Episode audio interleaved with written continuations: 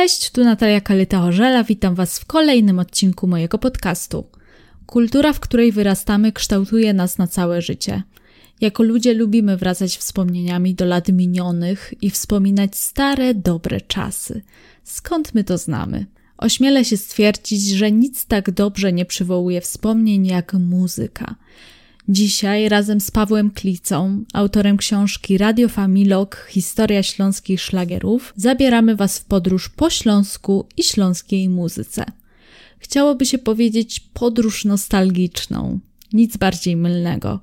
Opowiemy Wam o dźwiękach naszego dzieciństwa, poszukamy tam śladów naszej tożsamości i skonfrontujemy się ze śląską popkulturą, która, choć niejednokrotnie przaśna i utrwalająca stereotypy, w jakiś sposób nas wychowała. Ale zanim zacznę, chciałabym Wam przypomnieć, że mojego podcastu możecie słuchać na YouTube, Spotify i wszystkich innych platformach podcastowych.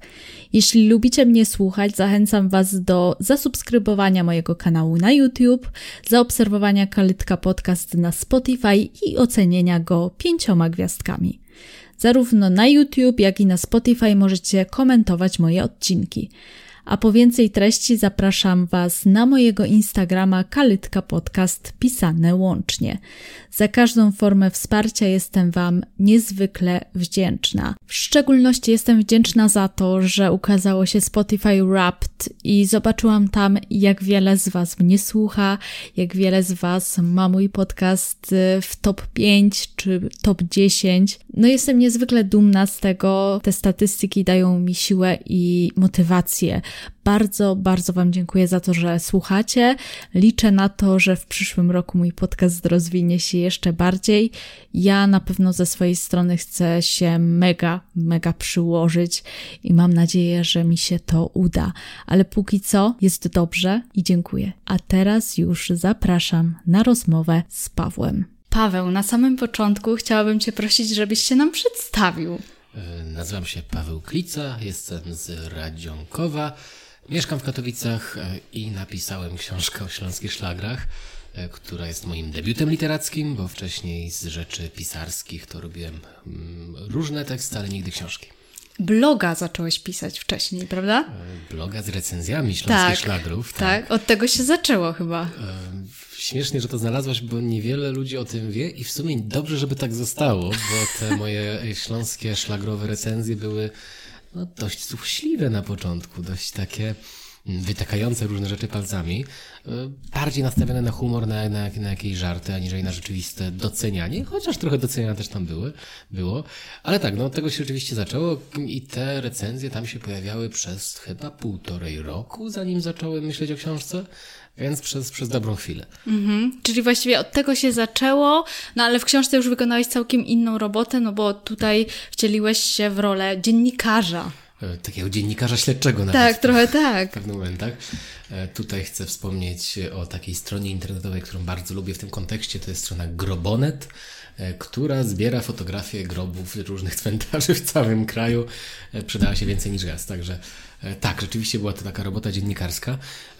No, w pewnym momencie te, te moje takie szlagrowe tematy e, już zaczęły być traktowane odrobinę poważniej. To znaczy, nadal mm, robiłem sobie, można powiedzieć, pewne żarty, nadal te recenzje były na śmiesznie, e, ale zaczęto mi zadawać pytania, które gdzieś kierowały mnie w tę stronę, żeby się zastanawiać, a może w tym coś jest ciekawszego, może w tym jest coś więcej niż tylko żarty, może to jest E, coś głębszego niż tam, wiesz, wodzionka, suchy chleb i wody szklo mm -hmm. szklonka. Mm -hmm. I rzeczywiście, jak zacząłem skrobać sobie troszkę głębiej, to się okazało, że wow, że to jest naprawdę wielki świat pełen naprawdę fajnych ludzi, naprawdę ciekawych historii.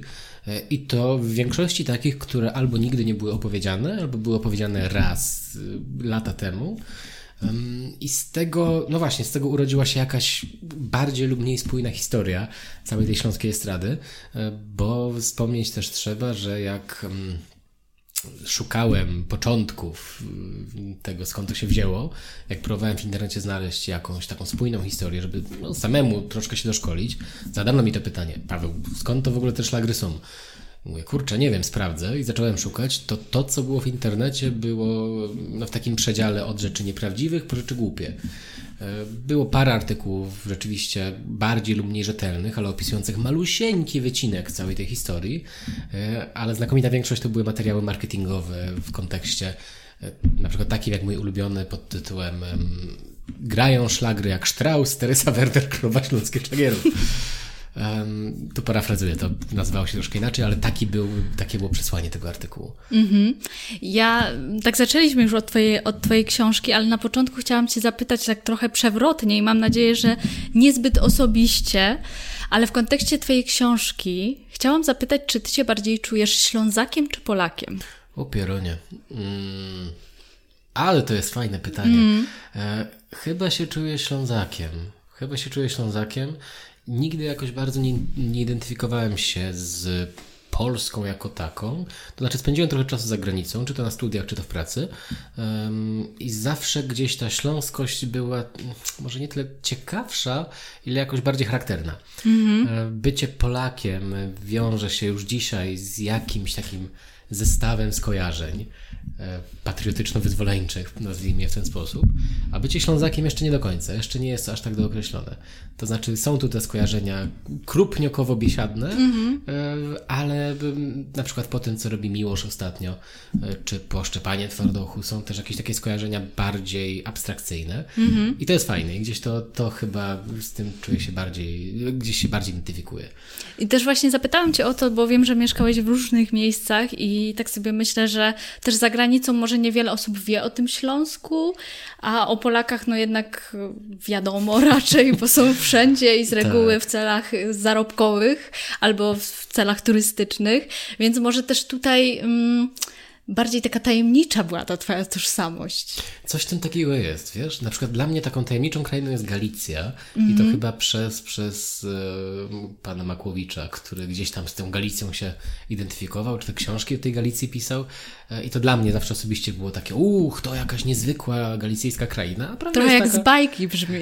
Prawda? tak. Prawda? A, a prawda jest taka, że Galicja to są na przykład gdzieś okolice już od Dąbrowy Górniczej na wschód. Mm -hmm. Więc mm -hmm. miejsca, których nie nazwali nazwalibyśmy jakoś bardzo ekscytującymi może dzisiaj. E, I ten Śląsk rzeczywiście tak gdzieś być może działał za granicą. Silesia generalnie rzecz biorąc. Jest to jakaś nietypowa, nietypowa kraina.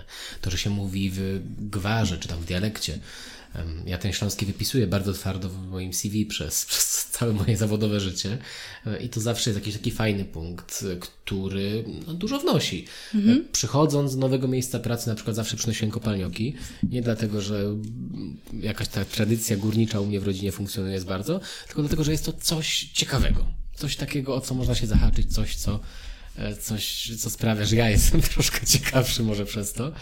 E, I rzeczywiście to jest, to jest w Śląsku fajne. A zaczekaj, ja zadam Ci to samo pytanie.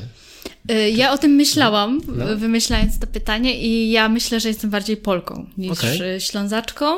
Chociaż ten Śląsk jest we mnie bardzo mocno, bo tutaj się wychowałam i, i też zaraz porozmawiamy o szlagrach, które znam i lubię i kojarzą mi się totalnie z dzieciństwem.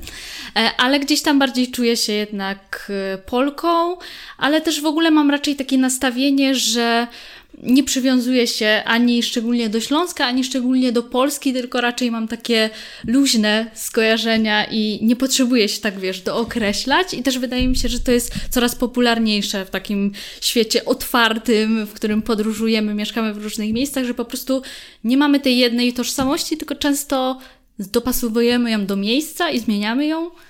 Zgodzę się z Tobą. Nawet zaryzykuję brzmienie jak totalny kretyn i powiem, że ja się nawet troszkę czuję Europejczykiem w mm, tym zaczęciu. Tak. Głupio to brzmi, jak się to mówi, bo to wtedy człowiek wygląda jak, jak bardzo zadufany w sobie no nie wiem, kosmopolita.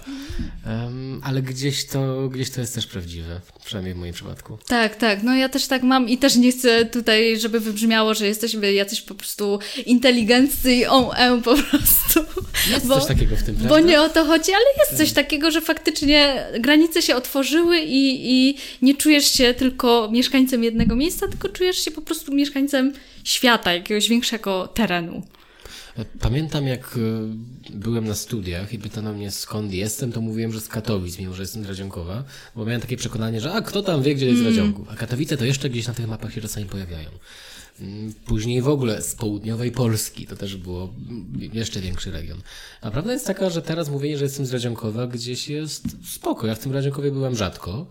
Um, ale jest to, znowu, jest to jakaś ciekawostka, jest to jakiś element osobowości, powiedzmy bardziej lub mniej. Mhm. Ja też kiedyś tak myślałam, że jak będę mówić, że jestem z Bytomia, to nikt nie będzie wiedział o co chodzi, więc też gdzieś tam te Katowice, ten Śląsk, bardziej tak ogólnie, ale zawsze jak mówiłam Bytom, to ludzie wiedzieli, bo też im się kojarzyło często z najmilszym miastem, według czy, Milki. Czy z najmilszym miastem, czy, czy, czy to właśnie to było skojarzenie? Mam nadzieję, że tak było. Dzięki temu mieliśmy tutaj koncert Maryli Rodowicz, chcę ci powiedzieć. Mój Boże, naprawdę? Naprawdę, to naprawdę. lata temu. Lata temu, to kiedy e, właśnie Bytom został najmilszym miastem w Polsce. Ale był jakiś kabaret, który z Bytomia sobie zrobił jakieś straszliwe żarty i pamiętam, że to było chyba nawet w Teleekspresie o tym mówione. Też to było lata temu, mm -hmm. to musiało być wczesne lata 2010, mm -hmm. Gdzie jakiś kabaret przedstawił ten Bytom jako straszne miejsce i później prezydent Bytomia wystosowywał jakieś zaproszenia, bilety turystyczne, tego typu budżety. Ale myślę, że do dzisiaj wiele osób uważa, że ten Bytom jest taki straszny, a on się gdzieś tam zmienia, w sumie tak jak cały Śląsk, co nie? Bo Śląsk często dalej jest tak postrzegany dosyć stereotypowo i te stereotypy też myślę, że się narodziły mniej więcej w tym czasie, kiedy narodziły się szlagry, I, I do dzisiaj gdzieś to jest, chociaż mam wrażenie, że już w ogóle nie ma to nic wspólnego z rzeczywistością. A przynajmniej niewiele wspólnego mm -hmm. z mhm. rzeczywistością. Mm -hmm. Nadal pewnie są takie mm, kieszonki tej takiej familokowej śląskości, ale to jest raczej mm, rzadziej spotykane niż częściej. -hmm. Tak, takie przynajmniej odnoszę wrażenie. Czasami zdarza mi się ostatnio częściej jeździć przez Bogucice, gdzie no faktem jest, są jakieś takie kawałeczki tych Bogucic, które są bardzo familokowo, ceglano, kopalniane, nadal. Ale to, na, to, to, jest bardziej chyba już atrakcja niż coś standardowego. Mm -hmm. Raczej, raczej nie patrzę na to jako, o, no tak, to, to jest normalny Śląsk, tylko raczej, o, to jest ten Śląsk jakiś, powiedzmy, przemysłowy, zachowany. Tak, jak Nikiszowiec, który jest właściwie zabytkiem już i ludzie, którzy przyjeżdżają na Śląsk, to od razu tam się kierują i też do śląskiej prohibicji od razu, żeby tam zjeść ten śląski obiad typowy. No, no tak, no teraz jarmark na Nikiszu, tak jak rozmawiało mm. się, chyba w tym momencie odbywa. Chyba tak. I ten jarmark też przyciąga jakieś dzikie tłumy z całego świata tak naprawdę. E, tą tradycją Weihnachtsmarktową, która chyba nigdy na tym Nikiszu właściwie nie gościła, przynajmniej od, gości tylko od paru lat. Tak, tak, tak. No, ale oczywiście są te naleciałości niemiecko-austriackie, no bo my tutaj na Śląsku to uwielbiamy, kochamy, no też taką mamy historię, no jakby nie było. No tak. Ale zapytałam Cię o tą tożsamość i teraz chciałabym zapytać w kontekście książki, bo napisałeś książkę, Paweł napisał książkę o śląskich szlagrach. Mamy ją tutaj, jest pięknie wydana, nazywa się Radio Familok Historia Śląskich Szlagierów. I właśnie, czy te śląskie szlagiery są elementem śląskiej tożsamości, czy raczej takim elementem luźnej rozrywki, nic nieznaczącej, takiej dla mas? Są i nie są. To mm -hmm. znaczy, mam wrażenie, że są, patrząc dzisiaj, w 2023 roku, nie są aż tak powszechne, jak jeszcze były 10 lat temu. To znaczy, na fali wodzionki chociażby e, postawiono znak równości między śląskimi szlagrami a śląskością. No, mm -hmm. Ślązoki jedzą wodzionka, jeżdżą na moplikach, e, mają gołębie. Ale prawda jest taka, że trochę te śląskie szlagry zaczęły tracić na popularności przez ostatnie 10 lat. Zostały zastąpione tym takim śląsko polo mm. prezentowanym na jedynej słusznej stacji. I chyba też to skojarzenie tożsamościowe zaczęło gdzieś wygasać.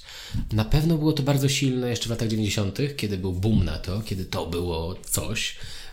Ale też ta historia ułożyła się w ten sposób, że te śląskie szlagry były pierwszą taką rzeczywistą możliwością wyrażania swojej tożsamości w kulturze. Mhm. No bo w PRL-u nie wolno za bardzo tego było robić. Śląski był raczej zarezerwowany dla kabaretu. Były jakieś tam niewielkie wyjątki, ale to były rzeczy um, traktowane bardziej archeologicznie. To znaczy na przykład był taki program w Polskim Radiu nie po naszemu, czyli po śląsku. Mniejsza, to tych programów było kilka, natomiast takie programy były i one traktowały Śląsk etnograficznie. Zresztą zespół Pieśni za Śląsk właśnie taką robotę robi, że jest to jakaś pielęgnacja kultury czy tradycji, czasami stworzonej w latach 50. i 60. na potrzeby właśnie Śląska. Natomiast już dzisiaj te śląskie szlagry raczej częścią tej tożsamości aż tak nie są. To znaczy, jest to ciekawy element, który można komuś pokazać, ale nie jest to powszechnie znane. Mhm. Nie jest to coś, gdzie mm, mówię, mówię, że jestem z Katowic i ktoś strzela palcami i mówi a, Teresa Werner i Krzysztof Hanke, i Kabaret Drak, i Grzegorz Poloczek. E, przynajmniej nie w moim doświadczeniu. Może, mhm. może są ludzie, którzy tak to odbierają, ale jednak nie w moim doświadczeniu.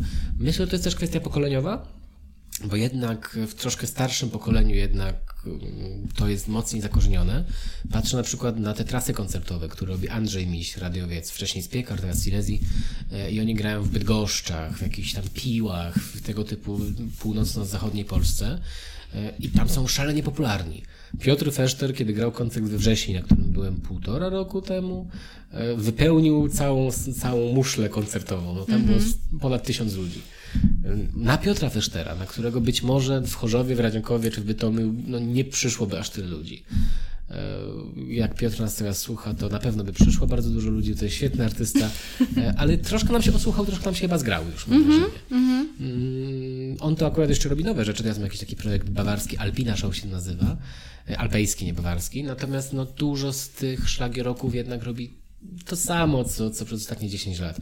Nie wiem, czy się ze mną zgodzisz, ale patrzę na jakieś dni Radzionkowa, e, na których byłem ostatnio, mój Boże, 3-4 lata temu chyba. I tam też coś takiego ala śląskiego było i to właściwie nie miało znaczenia, kto to był, bo to było dokładnie to samo, co wszędzie. Mm-hmm. Czy to chyba nie kumpliki, jakiś taki zespół ala właśnie baj, bajerowy, e, mamy gołębie i jemy krupnioki, nie? I to zazwyczaj są takie grupy, które mają jedną znaną piosenkę i oni po prostu jeżdżą po wszystkich dniach miasta i tak dalej i śpiewają tę jedną piosenkę i ludzie się cieszą i na tym się właściwie kończy. Ale to też jest jakiś fenomen to jednej, tej jednej piosenki, mm. bo jeżeli spojrzysz na te duże koncerty w Domu Muzyki i Tańca w Zabrzu na przykład, e, to tam masz 20 wykonawców, 30 wykonawców i oni wychodzą na jedną piosenkę, e, bo wiele tych piosenek albumowych no, nie jest znana albo nie jest pożądana przez widownię. Mm. Myślę tutaj na przykład no nie wiem, jest Chris Oxford Duo. I Oxford Duo ma chyba cztery różne albumy, z czego tych znanych, naprawdę znanych piosenek ma z dziesięć może? No, wiesz, w sytuacji, kiedy wyjdzie Chris i zaśpiewa ostatnią piosenkę ze swojej ostatniej płyty, e, będzie jakieś rozczarowanie, czemu nie zaśpiewał starego Zygora na przykład. Um, Digi Dim Bom Bom, stary Zygor Mom. Bardzo lubię tę piosenkę. Świetna jest. Więc, więc tak, więc, więc zmierzając tutaj do, brzegu, do, do brzegu, ja tu mogę gadać i gadać o tym. Ale gadaj, gadaj.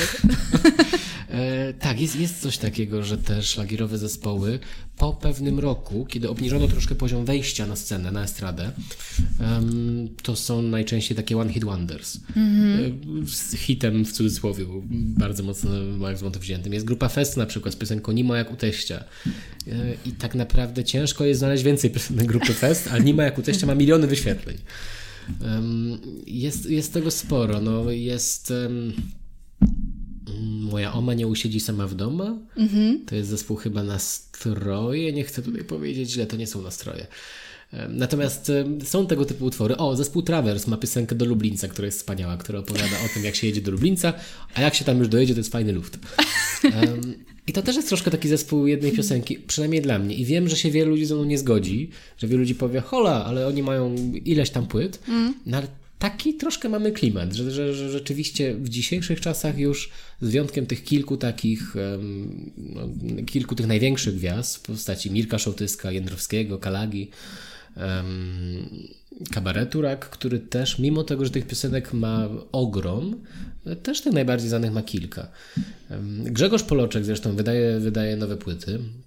Chyba ta ostatnia płyta, która się nazywa Ogień gaśnie, tak mi się wydaje, e, też jest zapełniona piosenkami, ale ośmielę się twierdzić, że wśród tych piosenek jest jeden czy dwa przeboje, a reszta to są, no, są piosenki, które są potrzebne na płycie. Mm. Nie jest to może aż tak ekstremalne, jak to było e, po otwarciu TV Silesii, gdzie sadzano e, Edka Sikorę, którego zresztą miałaś okazję chyba spotkać, prawda? Tak, tak, tak. I Andrzeja Skaźnika i mówiono im, tutaj jest zespół, który ma dwie piosenki, dopiszcie do tego album. E, I oni dopisywali te albumy i jeden i drugi ma w tym momencie w Zajeksie tysiące piosenek porejestrowanych e, na siebie. Jest to, jest to fascynujące, naprawdę. Mm -hmm. Więc nie jest aż tak ekstremalne, że, że, że, te grupy mają po prostu jakieś takie wypełnione albumy nowymi piosenkami, których nikt aż tak nie, nie pożąda. E, ale nadal troszkę, troszkę tak jest, że jest to, że to raczej one hit wonders. Mm. Ja pamiętam, bo wspominałeś o Dniach Radzionkowa i że tam się pojawiają różne śląskie gwiazdy, no to y, ja pamiętam, że na pierwszej randce z moim mężem byłam y, właśnie na Dniach Radzionkowa i tam wtedy grał Grzegorz Poloczek. No i od, od wtedy właściwie naszą piosenką jest Malikonia. No. E, Kaj wejrzysz Familoki. Tak, Powiedzcie tak. mi, chcę tu być, chcę tu żyć. Tak. Swoją drogą, to jest naprawdę dobra piosenka. To jest dobra piosenka. Zupełnie szczerze, Tak, tak. tak. E, To nie jest e, bardzo oryginalna piosenka, Mhm. bo tą piosenkę wcześniej zrobiło parę innych wykonawców, ale jest to najlepsza spośród tych wszystkich innych. I ona ma fajny tekst, ona jest Tak. całkiem szczera i ona niesie. No, powiedzcie mi, chcę tu być, chcę tu żyć, tutaj życie się zaczyna. To jest obiektywnie fajny tekst. Tak, tak. Te, też mi się podoba. No, trudno, żeby się nie podobała, jeżeli jest pierwszą No. piosenką. To prawda, ale moja mama też zawsze jej słuchała i też jakoś tak, no nie wiem, tak uderza mam wrażenie w tą taką śląską wrażliwość. Tak, zdecydowanie. I, i powie, zaryzykowałbym nawet twierdzenie, że jest to jedna z ostatnich piosenek, którym się to udało osiągnąć. Mhm. Bo Kaj, Kaj Wejrzysz Familoki to jest chyba 2012-13 rok? Rok w te, rok w tamtą, w każdym razie te okolice. I mam wrażenie, że po tym roku już tego typu wielkich przebojów, y, nie chcę powiedzieć, że nie było żadnych, ale było bardzo, bardzo, bardzo niewiele. Mhm. Mm, wie, więc tak, no Poloczkowi się udała wielka sztuka tutaj. E, To jest zresztą piosenka z tej samej płyty, gdzie jest na przykład Och, Usia, Usia, e, który też jest dużym hitem, czy Komunijne Koło. Więc, więc on ma taki, no tak, takich, e, taką całą płytę różnych bangerków, takich naprawdę hicików i to, to jest super. Ale też nic dziwnego, no bo on wcześniej był w kabarecie Rak, który miał Tak. dużo tych takich hitów, no typowo kabaretowych. Em, rozmawiałem z Grzegorzem Poloczkiem i tutaj nie wiem na ile to jest coś, gdzie mogę się tymi opowieściami dzielić, e, ale wiem, że to, że on z kabaretu Rak odszedł, też częściowo wynikało z tego, że ta jego kariera solowa, że chciał, żeby ta jego kariera solowa była troszkę mniej kabaretowa.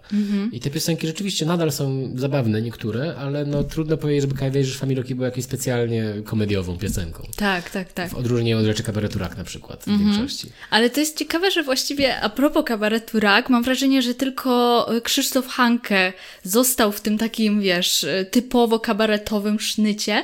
No a przecież, no bo ja pamiętam lepiej znacznie ten kabaret Rak już późniejszy, kiedy dołączył do niego Krzysztof Respondek. Tak. E, to, to było moje dzieciństwo, więc takich ich pamiętam właśnie. No i Krzysztof Respondek przecież zrobił dość dużą karierę taką na całą Polskę. Ja pamiętam, że on występował w takim programie Polsatu, jak oni śpiewają i nawet wygrał którąś edycję. Potem jeszcze był chyba w Twoja twarz brzmi znajomo, chyba grał w Barwach Szczęścia, także w ogóle wiesz... Jakaś kariera tutaj się narodziła, a Krzysztof Hanke nadal jest chyba takim typowym kabareciarzem. Chociaż no była święta wojna też, prawda? Oj, no Święta Wojna to jest, to jest osobny temat całkiem. No, Hanke też występuje na scenie właśnie. Mm. Ma spektakl, mój Boże, nie pamiętam nazwy spektaklu, Aniołki Hankego się nazywa. I on ma podtytuł Hankę chce kochankę. Um, i, I na plakacie występuje w towarzystwie jakichś takich długonogich em, kobiet e, obfotografowanych w ten sposób właśnie. No tak, no to, to nadal jest postać stricte kabaretowa i to nadal jest osoba, która, która te, te kariery gdzieś kontynuuje, chociaż też jest, chcę powiedzieć, żeglarzem, czy, czy, czy, czy kapitanem jachtu, powinienem powiedzieć. E, wilkiem morskim, więc, więc to jest jakby dru, druga pasja wielka Krzysztofa Hanka. Jest tego sporo na YouTubie, bardzo polecam, bo to są fajne, fajne filmiki, jak on opowiada o tym, jak Ale to on ma swój gdzieś tam- kanał, czy... Tak, tak, O tak. kurde. Jak opowiada, jak cumowali na Arubie. Tego typu wspaniałe historie, naprawdę ciekawe. Także bardzo tutaj polecam. E, no tak, no ten kabaret rak. Właśnie, mm, i to jest takie pytanie generalnie o ewolucję całego tego gatunku, bo ośmielę się twierdzić, że on jakoś nie bardzo ewoluował. Od tych piosenek z lat 90., które jeszcze pisał Marian Makula, tam też się przewijał Józek Polok na przykład e, razem z nimi, mam wrażenie, że nie do końca wykonano krok naprzód. Że między mm, płytą Europo Poczekaj, która była robiona przy okazji wejścia do Unii Europejskiej, e, a wściekłym moplikiem Hanka, który jest taką bootlegową kasetą z lat 80., z końca lat 80., em, no tak naprawdę nie ma jakiejś wielkiej progresji. No troszkę, troszkę instrumentarium jest może bardziej, bardziej nowoczesne, ale poza tym, poza tym tyle. Myślę o piosence na przykład Lauba. Uwielbiam. Wspaniała, prawda? Nie Ten wiem, storytelling po prostu. No kocham to. To jest jedna z moich ulubionych piosenek i absolutnie kojarzy mi się z moimi siostrami, bo pamiętam, że y, zawsze leciała w radiu piekary i wtedy się strasznie śmiałyśmy, bo kochałyśmy tę piosenkę. Ale wiesz, co jest jeszcze ciekawe? Powiedziałaś to słowo storytelling. E, I to też jest coś, co szlagiery bardzo wyróżnia, czy szlagry, e, że w utworach szlagrowych, takich typowych, nawet dzisiaj produkowanych, e, jest jakaś fabuła, jest jakaś mm -hmm. puenta jest jakaś dynamika, jakaś akcja. Myślę tu na przykład o Janinie Liberze. To jest taka mm, no, wokalistka, amatorka, mogę powiedzieć, z piekar śląskich, mhm. ale która też nagrywająca. I to jest to samo. I tam są całe historie. Jest historia kominiarza Antosia, e, którego próbuje ona jako podmiot liryczny w piosence zbałamucić, a on się nie daje. E, jest piosenka Gili Gili, która mimo refrenu, który brzmi Gili Gili Gili Gili Gili Gili, e, tak naprawdę ma jakąś, jakiś tam przebieg fabularny. I to jest coś charakterystycznego, charakterystycznego dla tego gatunku, bo on się z tych kabaretów no, mimo wszystko dość bezpośrednio wywodzi. Ten kabaret drag, czy na przykład zespół Antyki, który sensu stricte kabaretowej nie był, ale te estrado, estradowe jednak wątki cały czas ciągnął przez bardzo wiele lat e, był, miał tak mocny wpływ, że nawet te piosenki, no, które znamy do dzisiaj, e, Spójrz na wodzionkę. No wodzionka raz, że idzie przepisem, czyli już na dzień dobry mamy jakąś progresję, ale później mamy y, tą, tą całą sekwencję, y, gdzie już nie pamiętam teraz dokładnie tekstu, ale Gorol czy Biedok nie łoprze temu się, jak w kuchni zacznie woniać, do garnka zaraz. I to widać w teledysku, jak tam się y, jak, jakaś, jakiś konflikt rodzi o łyżkę do tej wodzionki. Jest to niezwykłe i jest to dość nietypowe. No jak na taką scenę estradową, jak na w ogóle pisanie piosenek, no, rzadko pisze się piosenki, przynajmniej takie popowe, czy, czy takie rozrywkowe, które jednak miałyby aż tak mocny storytelling. Mm -hmm, Nie wiem, no patrzę no, takie na hity, no RMF-kowe, czy, czy, czy, czy, czy radiozetkowe może niekoniecznie, mm, ale nadal tym szlagrom jest bliżej do jakiejś takiej piosenki kabaretowej, aniżeli do, do, do, nie wiem, Sana czy do Kwiatu Jabłoni. No tak, dzisiaj ten storytelling to czasem pojawia się w jakichś hip-hopowych utworach, mam wrażenie. E, być może. Nie jestem aż takim wielkim, mm -hmm. nie, aż tak nie podążam na tą sceną, żeby wiedzieć, ale, ale tak, prawdopodobnie tak. Mm -hmm. Okej, okay. ja tak y, cały czas wokół tej tożsamości, ale mm, no teraz chciałabym się zapytać o to, czy ty myślisz, że ten e, Śląsk, który jest widoczny w tych szlagrach, no bo one zaczęły powstać w latach 80., powiedzmy, że lata 90., 2000 to jest taki rozkwit i wtedy narodziło się dużo tych e, stereotypów dotyczących Ślązaków, bo też te szlagry się zaczęły rozchodzić właściwie na cały kraj. I czy ty myślisz, że dzisiaj ten Śląsk przedstawiony w szlagrach jest rzeczywiście obecny? Czy, czy to już jest, to już są jakieś minione czasy? Wiesz co, jest i nie jest. Mm, wywiad, który przeprowadzałem z Mirkiem Szołtyskiem, e, odbywał się u niego na ogródku w Chorzowie. E, I tam jedną z ważnych części tego ogródka jest gołębnik, w którym rzeczywiście trzyma te gołębie, mm -hmm. gdzie, gdzie jest to dla niego jakaś duża pasja, potrafi o tym opowiadać bardzo długo. Rozmawiałem z liderem zespołu Bar, z Gienkiem Loską, E, tam też ten gołębnik stał zresztą u niego, e, ale który mówi, że do dzisiaj inspiracjami do jego piosenek, które jeszcze do niedawna pisał, są jakieś jego doświadczenia. Mm. Bar ma taką piosenkę Ster Życia, który jest, która jest taką piosenką o przemijaniu. E, I to on wspomniał o tym, że to jest piosenka, gdzie on jakoś się mierzył ze swoją starością, powiedzmy, czy z tym, że zaczyna się starzeć. Mm, więc są te piosenki bardzo szczere, które rzeczywiście oddawały ducha tych czasów. E, nie zawsze, bo też trzeba sobie powiedzieć wprost, że szlagry to jest taki gatunek stworzony poniekąd od zera przez tak naprawdę jedną osobę. Mm-hmm. Um, i, i, pewnie wiele osób się na mnie pokniewa, jak to powiem, ale troszkę taka jest prawda, że szlagry powstały e, cały jako gatunek dzięki Jankowi Musialikowi, który założył wydawnictwo Promus, który zaczął od kabaretu rak, e, później znaczy zaczął w ogóle od antyków, w ogóle zaczął od trash metalu i, od tego tu, ale, ale później, później to były antyki, później były utwory kabareturak e, i później były, były kasety duo traperów z Bolusiem i Bogusiem, mm. który też był takim olbrzymim hitem, który dzisiaj, którego dzisiaj ciężko posłuchać. Nie ma go na przykład na YouTubie.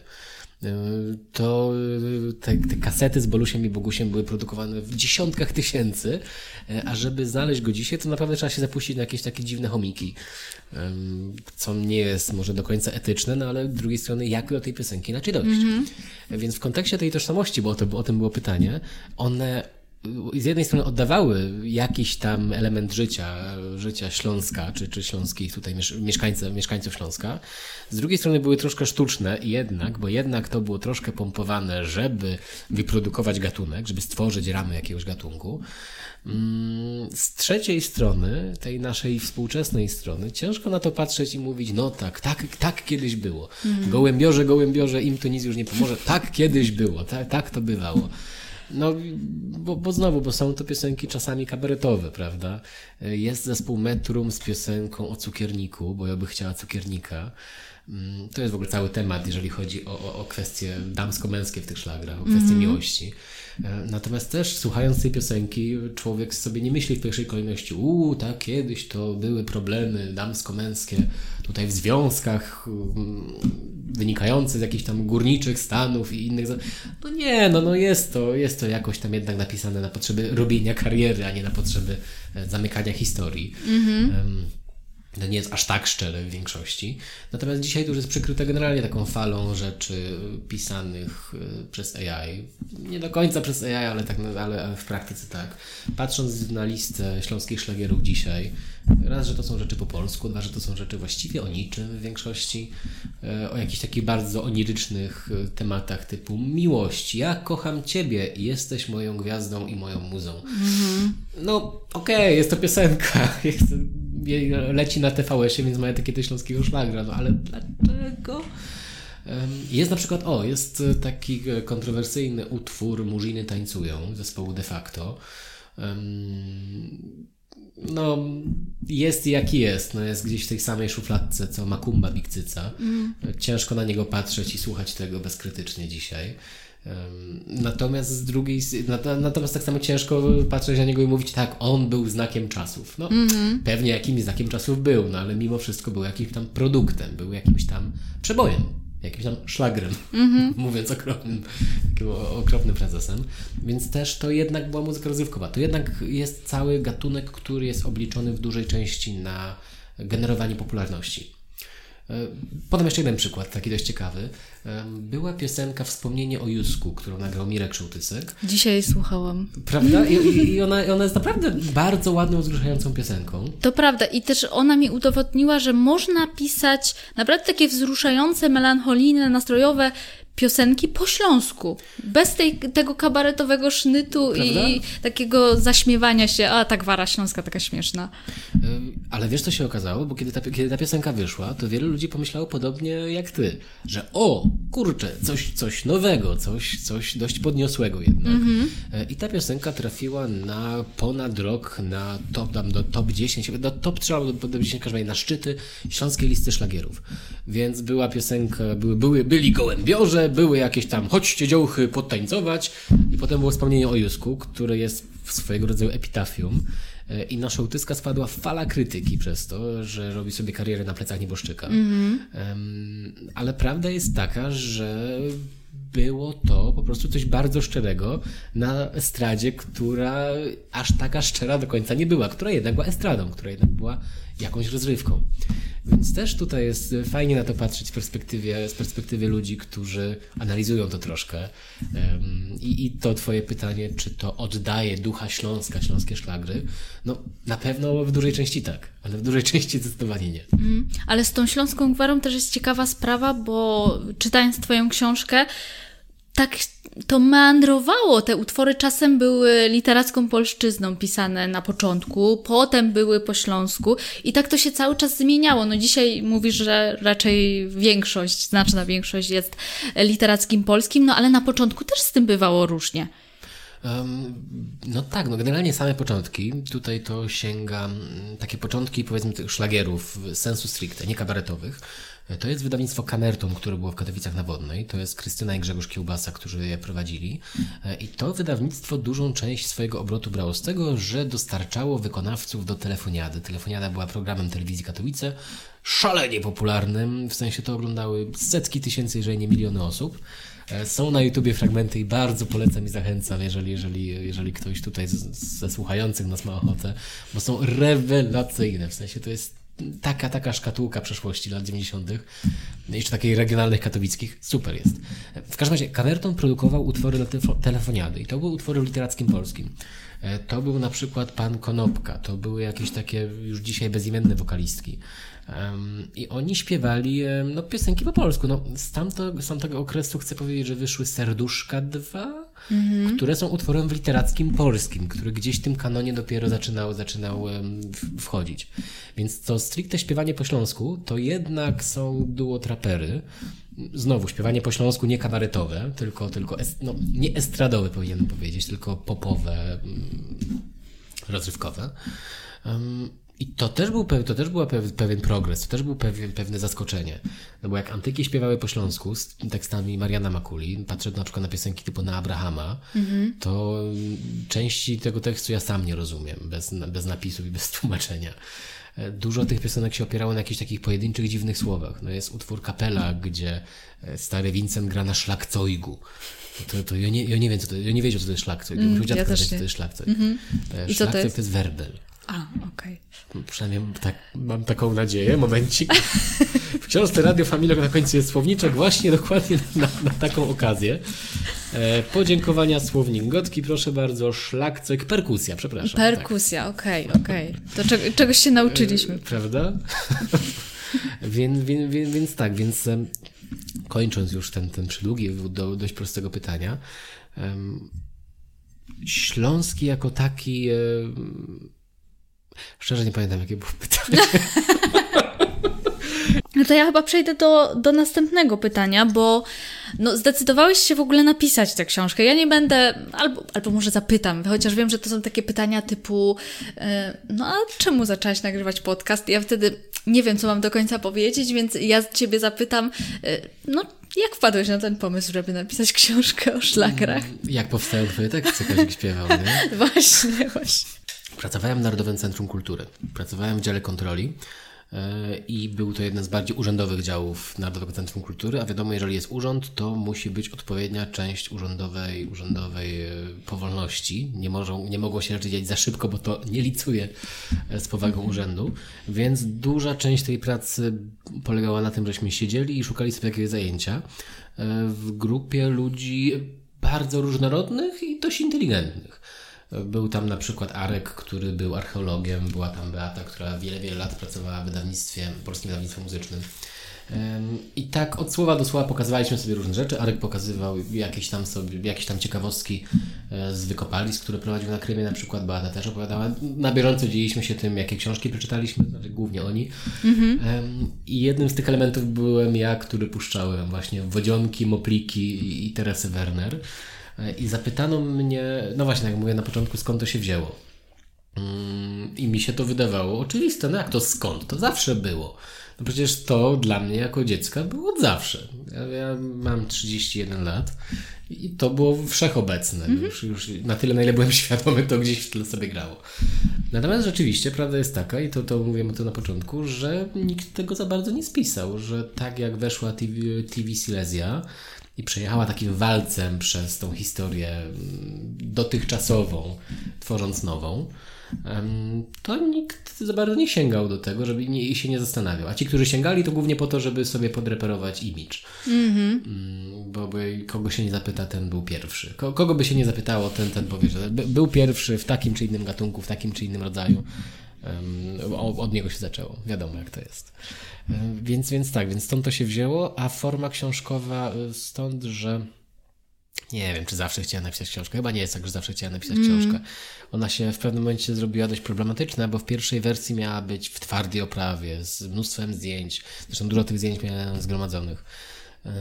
I kiedy przyszło co do czego, to okazało się, że raz, że byłaby bardzo droga w wydaniu, a dwa, że akurat trafiłem na taką falę po Kajsi Zbigniewa Rokity, y, gdzie pojawiło się mnóstwo książek nawet z familokiem w tytule. Już nawet nie, nie tyle o Śląsku, to po prostu o familokach.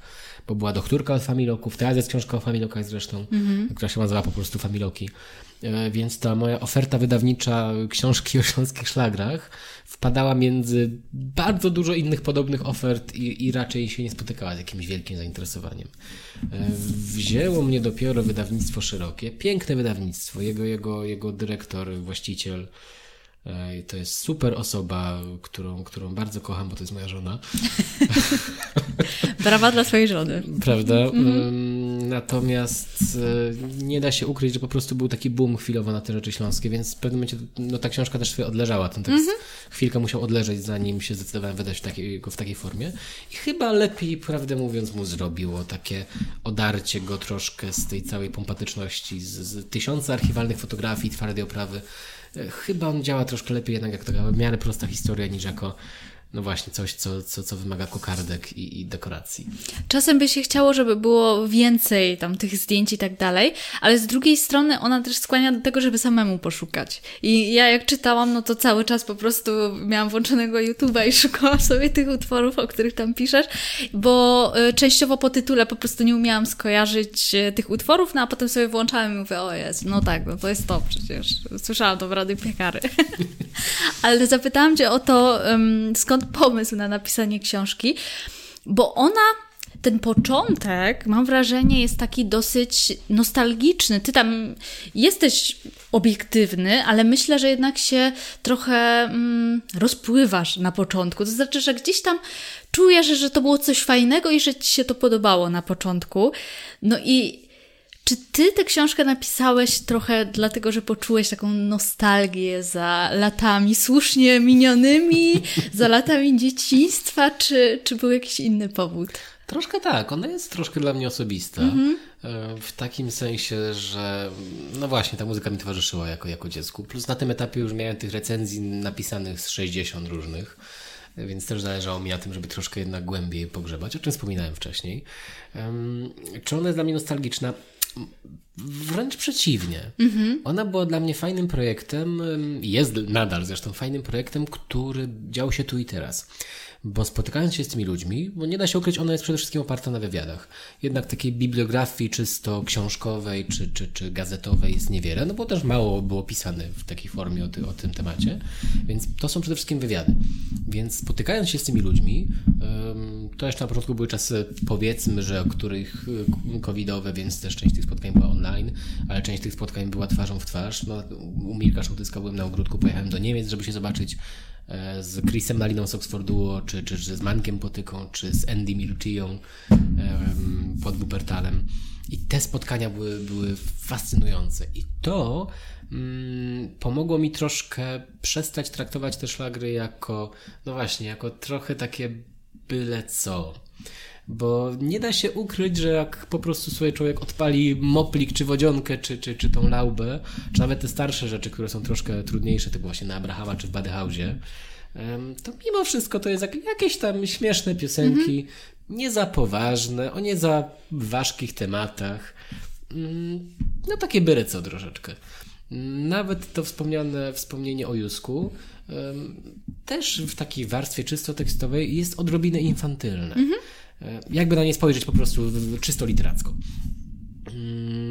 I cieszę się, że, że, że tą drogę gdzieś mi się udało przebyć i mam nadzieję, że ta książka też trochę pokazuje, że te śląskie szlagi, szlagry, które były traktowane i są traktowane do dzisiaj jako takie śląskie disco polo, czyli jako takie no, dziadostwo troszkę. Śmieszne, nieśmieszne, lepsze i gorsze, ale jednak wrzucone do wspólnego wora pod tytułem o, muzyka do kotleta. Mhm. To jest coś, za czym stoją naprawdę ciekawi ludzie, naprawdę ciekawe kariery, a to właśnie w cudzysłowie byle co, które, które dzisiaj się kojarzy, to jest po prostu jakaś taka głośna mniejszość. Czy, czy to jest efekt tego, że zostały jakoś to umemicznione, czy, czy, czy ukabaretowione w dużej większości. Czy no właśnie, patrząc na wykonawców pokroju Teresy Werner czy Tobiego z Monachium, trudno jest się dziwić, że no, odsłuchawszy tego typu utwory, ludzie sobie myślą, kurczę, 216 stron o czymś takim, chyba podziękuję, nie?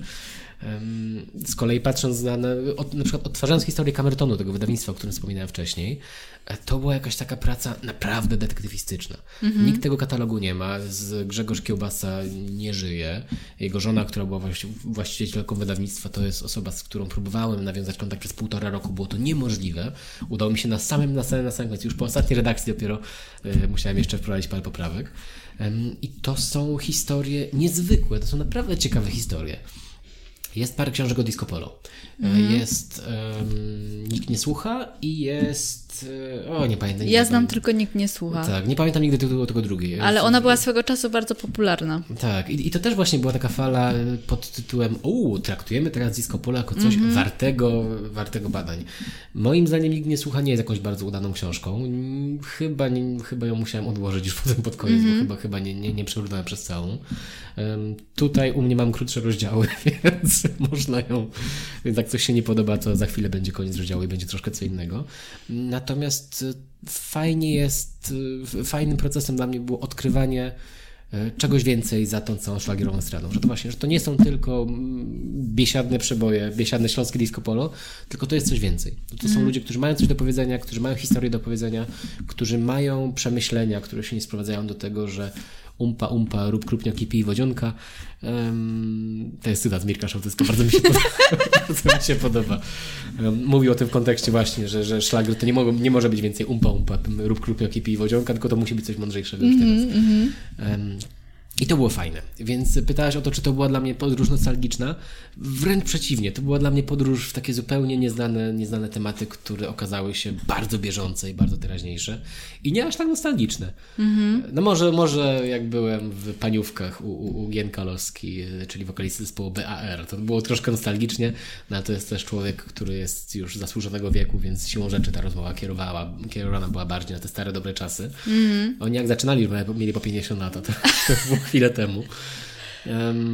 Natomiast y, duża część tych doświadczeń to były jednak doświadczenia zupełnie nowe i to, było, i to jest fajne. I mam nadzieję, że gdzieś mi się to udało w tej książce oddać. Tak, tak. Ja mam wrażenie, że ty tak na początku bardziej się rozpływałeś, ale potem już byłeś taki bardziej krytyczny, bo też y, no, wyraźnie pokazałeś, że już dzisiaj właściwie śląski szlagier to jest tak rozmyte pojęcie, że właściwie już nie istnieje.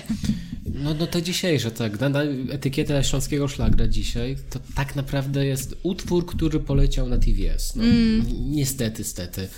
Um, ta książka się chyba kończy takim przemyśleniem, że czymkolwiek szlagry nie są, to mają się jednocześnie najlepiej i najgorzej. Tak, tak, um, tak, tak, tak. Bardzo mi się podoba, świetnie napisane.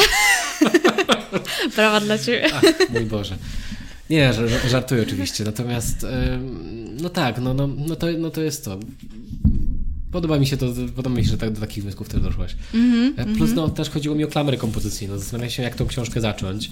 Um, Oj, ten się... początek jest świetny, bo na, na, może nie wiem, czy będę zdradzać, ale na jednym wydarzeniu, o którym wspominasz, mnie nie było z wiadomych powodów, a na drugim już byłam. Yy, Więc no, przypominałam tak. sobie te momenty, o których tam, tam pisałeś. To po, powiem może, bo, bo nie wszyscy tę książkę mają jeszcze, ale to się jeszcze, na pewno zmieni. Jeszcze, jeszcze. Rozdział pierwszy nazywa się Dwa Wesela i są tam zestawione wesele moich rodziców, które było w latach, na początku lat 90. Mm -hmm. i wesele mojego brata, na którym byłaś chyba jako świadkowa. E, jako wtedy jeszcze narzeczona świadka. Narzeczona o. świadka, rozumiem. Tak. No to prawie świadkowa. Tak, prawie, no siedziałam przy tym głównym stole, także VIP. Tak, ja, ja, ja, ja gdzieś tam w kącie, ale się moją bratu w ogóle nie dziwię. Też bym się posadził w kącie na takiej imprezie. Um, więc tak, więc, więc, więc zestawiam to ze sobą, bo zastanawiałem się, wszyscy mówią, że to jest muzyka weselna, że to jest muzyka, która mm. wyszła z zespołów weselnych. Nie do końca tak jest, wręcz przeciwnie, że te zespoły weselne dołączyły później do tego gatunku. Natomiast znalazłem kasetę, czy pamiętałem, że taka kaseta jest z nagraniem z wesela moich rodziców. I nigdy jej chyba nie oglądałem w świadomym dorosłym życiu. Pojechałem do Radzienkowa, kazałem sobie ją puścić. E, i siedzieliśmy z moją mamą i próbowaliśmy ustalić, co tam tak naprawdę ten zespół gra. I to naprawdę nie było łatwe. zrozumienie, co oni grają. I okazało się, że tam tych szlagrów nie było, no bo to jeszcze był ten 90 rok i szlagry nie istniały jako takie. Mm. A przynajmniej nie w takiej formie weselnej, więc cały ten wątek, że to jest muzyka weselna, e, gdzieś natychmiast został jeszcze przed rozpoczęciem pisania tej książki rozwiany. Jest to gdzieś fajne, jest to gdzieś ciekawe, tak przynajmniej tak mi się wydaje. Mm, więc tak, no więc, więc to jest ta klamra kompozycyjna, żeby jakoś zacząć.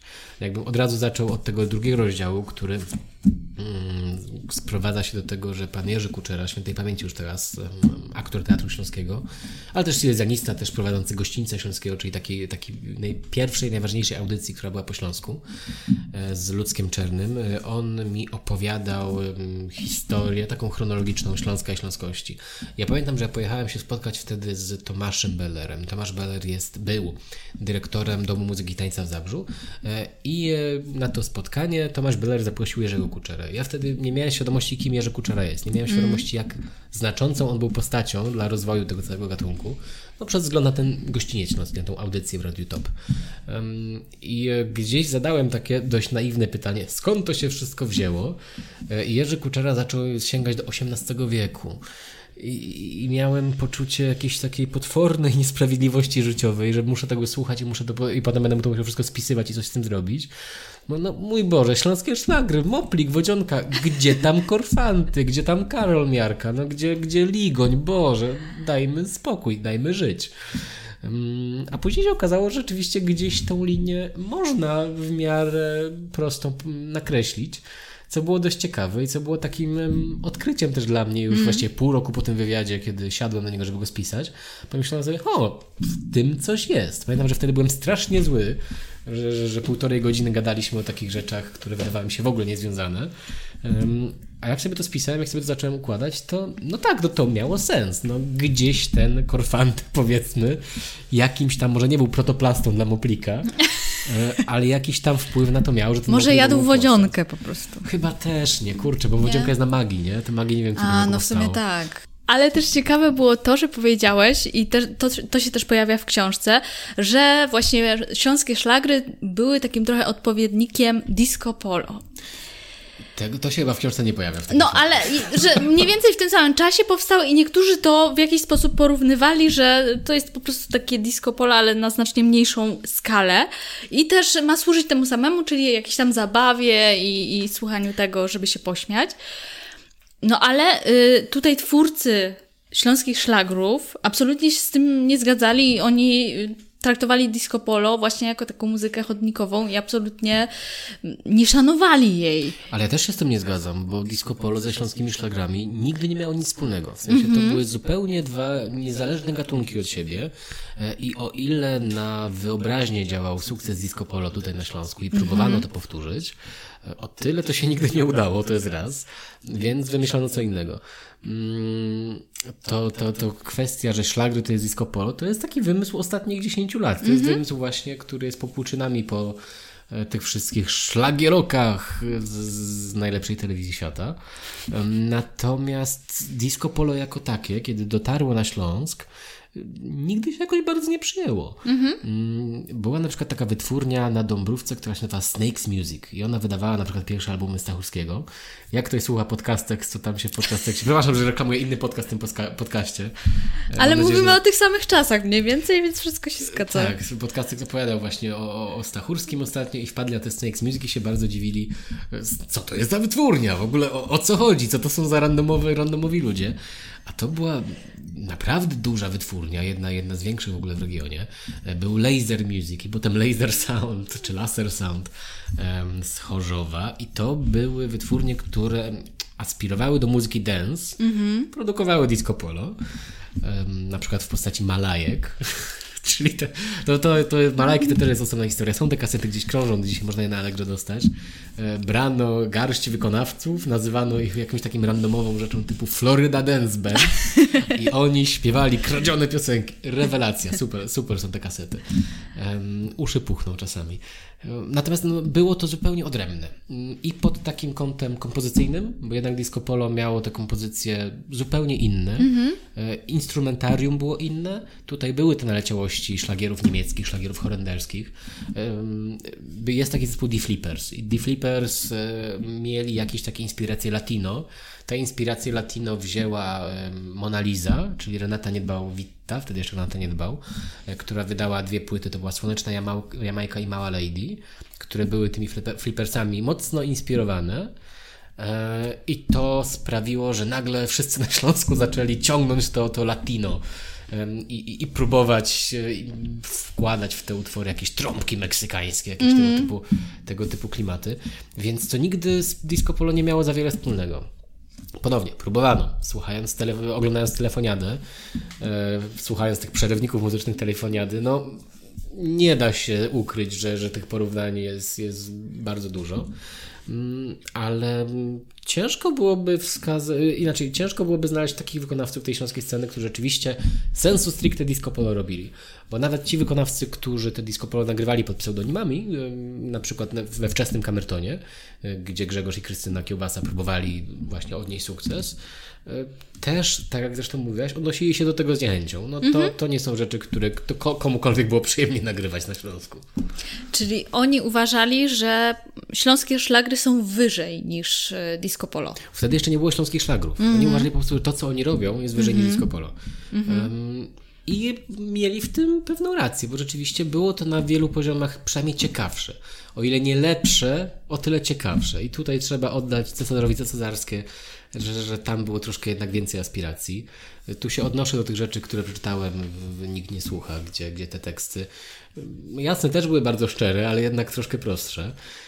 Jest taka kaseta Mirek Dance. Mirek Dance. Mm-hmm. Ona jest dostępna na portalach z gryzoniami różny, różnego kalibru i nigdzie więcej, bo mm -hmm. jej się nie da dostać już też. Długo szukałem, nie da się jej dostać w takiej formie, formie kasety po prostu. E, I tam są utwory, które dla mnie były kuriozalne. E, to znaczy jest utwór Dzikie Morza, który jest, jest super I, i nie wiedziałem skąd ten tekst się wziął. Tekst jest podpisany, te, melodia ludowa, tekst ludowy i to jest jakaś przeróbka zespołu Fanatic. E, niezwykłe są te, są te rzeczy. No właśnie, to, to były próby kopiowania tego disco polo, ale to disco polo tutaj nigdy stąd nie, nie wychodziło. No też tak naprawdę, no, o, o ile moja wiedza mnie nie myli, no to disco polo raczej przyszło do nas ze wschodu, a jednak śląskie szlagry, no to to jest ten nurt tego pięknego zachodu, do którego nas ciągnęło, prawda? Znaczy w ogóle no, śląskie szlagry, jako takie śląskie szlagry są takim tworem sztucznym. No. -hmm. nazwać, to szla, nazwać to szlagier, to szlagierami utwory nazwał dopiero Janek Musialik, nie? bardziej lub mniej. Był taki musical Elver Show. No to na El, jak grano Elver Show, to raczej tam nikt tego nie określał Janem Szlagry. Zresztą to był taki miks różnych rzeczy, e, że też ciężko to było, przepraszam, zaszufladkować. Um, więc te szlagry jako takie to nawet um, nie funkcjonowały jako nazwa, jako gatunek w tym samym czasie co disco polo. Więc mhm. ciężko nawet było powiedzieć, a to jest disco polo. Mhm. Mówię, jestem przekonany, że to się narodziło dopiero po 2010 roku, gdzie zrobiło się śląskie disco polo. I rzeczywiście dzisiaj to um, możemy się oszukiwać, że jest to muzyka dance, ale to będziemy się oszukiwać, prawda? Nie jest to muzyka dance w dużej części. Jest, jest to jakieś tam śląsko albo po prostu disco polo. Było też italo disco, o mm. czym na przykład dużo opowiadał mi Mariusz Kalaga. Oni mieli zespół For You albo Duo For You, to taki statek Odyseusza troszkę ten zespół, on zmieniał nazwy bardzo często. Ja, przepraszam, przerwę Ci, ale chcę się pochwalić, że w moim egzemplarzu książki jest autograf e, Mariusza Kalagi. Tak, w przedsprzedażowych książkach są autografy Mariusza Kalagi. Mam tak nadzieję, że to jednak zachęci do kupna. No już teraz tych, w tych egzemplarzach niestety są tylko moje autografy. Ale pamiętajcie, jak kupicie, że były kiedyś tam podpisy. W ogóle trafiła do dystrybucji ta moja książka, jest już dostępna na tych wszystkich tanich książkach, na jakichś bonito, na tego typu rzeczach. Jest, Super. jest w Gryfnie od wczoraj. Super. Także, także robiąc zakupy na święta w Gryfnie, a wiem, że ja tak będę robił, można ją sobie do koszyka dorzucić e, w nie najgorszej cenie. Także, no tak, no Krótko jeszcze kończąc o tej muzyce chodnikowej, bo, bo tutaj... Tak, i o Italo Disco zacząłeś. I, o, i, mhm. Italo Disco. E, tych inspiracji tutaj było dużo bardzo różnych. Więc Mariusz Kalaga z rzeczami, z mu muzyką chodnikową, którą on tworzył, i to był końcówka lat 80., był w pewnym sensie pionierem, ale też te gatunki to też jest jakiś taki mega mix wszystkiego, mm -hmm. co przychodziło do nas z zachodniej Europy, za żelaznej kurtyny tak naprawdę jeszcze wtedy. Mm, między innymi Italo właśnie. Więc do nas to docierało po jakichś takich filtrach i nawet widać pewne fale, no bo teraz duża część tej muzyki to są utwory chorwackie, bałkańskie. Mm. I to też jest coś, co nas, czego nie było bardzo długo. Też coś, co się pojawiło z nienacka jakoś tak w latach 2010 Częściowo przez Teresę Werner, częściowo też przez innych wykonawców, natomiast no, teraz y, inspiracje greckie słychać w tych szlagrach. Były jakieś tam inspiracje włoskie. Ania Drabek śpiewa Pizzerię Margaritę. Piękny kraj co słońcem wita, tu są nudle, nudle długie festo, no i pizza.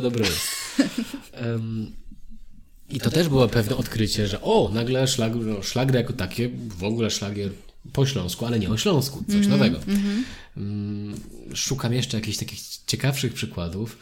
No jest, jest, są całe, jest cała masa w ogóle tych szlagrów takich dwujęzycznych. E, przychodzi mi do głowy na przykład Piotra Fechtera Ja je lubię śląskie śpiewki grać, który ma odpowiednik niemieckojęzyczny. Mm -hmm. W jakimś takim, w jakiś taki monstrualny sposób z tego korzysta Tobis Monachium, który wydaje całe albumy po polsku i po niemiecku jednocześnie. Jest utwór Zakochany w Śląsku, który ma odpowiednik chyba Erliebt das Oberschleisen. Przepraszam tu wszystkich, którzy mówią po śląsku. Wiem, że to skatowałem potwornie tą wypowiedź. No tak, ale to, to jest po prostu i to idzie plecy w plecy na albumie. Najpierw się tego słucha po polsku, a potem się tego słucha po niemiecku. Super jest. Więc tych inspiracji było dużo. No, były inspiracje francuskie, no, były inspiracje Mirelle Mathieu, którą gdzieś tutaj na początku wspominam i ona chyba miała taki utwór e, Adios, adios, adios, adios. Akropolis Adieu. Tak, Milel Mathieu. E, I to też takie francuskie szansonetki też w pewnym momencie się pojawiły jako, jako gatunek. Mm-hmm. No potem to zaczęło gdzieś ewoluować. Potem były wiązanki, które były najpierw na sam, no, mniej więcej równolegle robione przez Jacka Kieroka i przez Szlagier Maszynę. E, później były kasety Seks Szlagier Maszyna, przepraszam, Szlagier Seks Maszyna. Um, jest, jest ta ewolucja ciekawa, ale jedno jest pewne, że ta muzyka nigdy nie stała w miejscu. O ile mm -hmm. odpowiedzialnych za nią było garstka ludzi, bo w dużej mierze na przykład Andrzej Skaźnik, ale też później e, Jerzy Sas, to już są te czasy takie współczesne, e, który przyszedł na spotkanie autorskie w Barburkę w Katowicach, które miałem. E, I Tak, bo książka miała swoją premierę w Barburkę 4 tak, grudnia. Tak, tak. Troszkę też taka, było, było całkiem fajnie. Taka znamienna data. No, tak, to, to było miłe. W każdym razie przyszedł Krzysztof Sas, Krzysztof Sas czy Jerzy Sas? Pan Sas przyszedł i mówi mi, czy ja w tej książce jestem, bo jeżeli mnie nie ma, to znaczy, że pominął pan dużą część całej historii. Więc ja spoglądam w indeks i mówię, tak, jest pan, dobra. w porządku, jest, jest okej. Okay. Um, to, jak trochę, to tak jak trochę z um, sondażami do Sejmu i z PSL-em, który jeżeli nie wchodzi, to znaczy, że sondaż jest nieważny.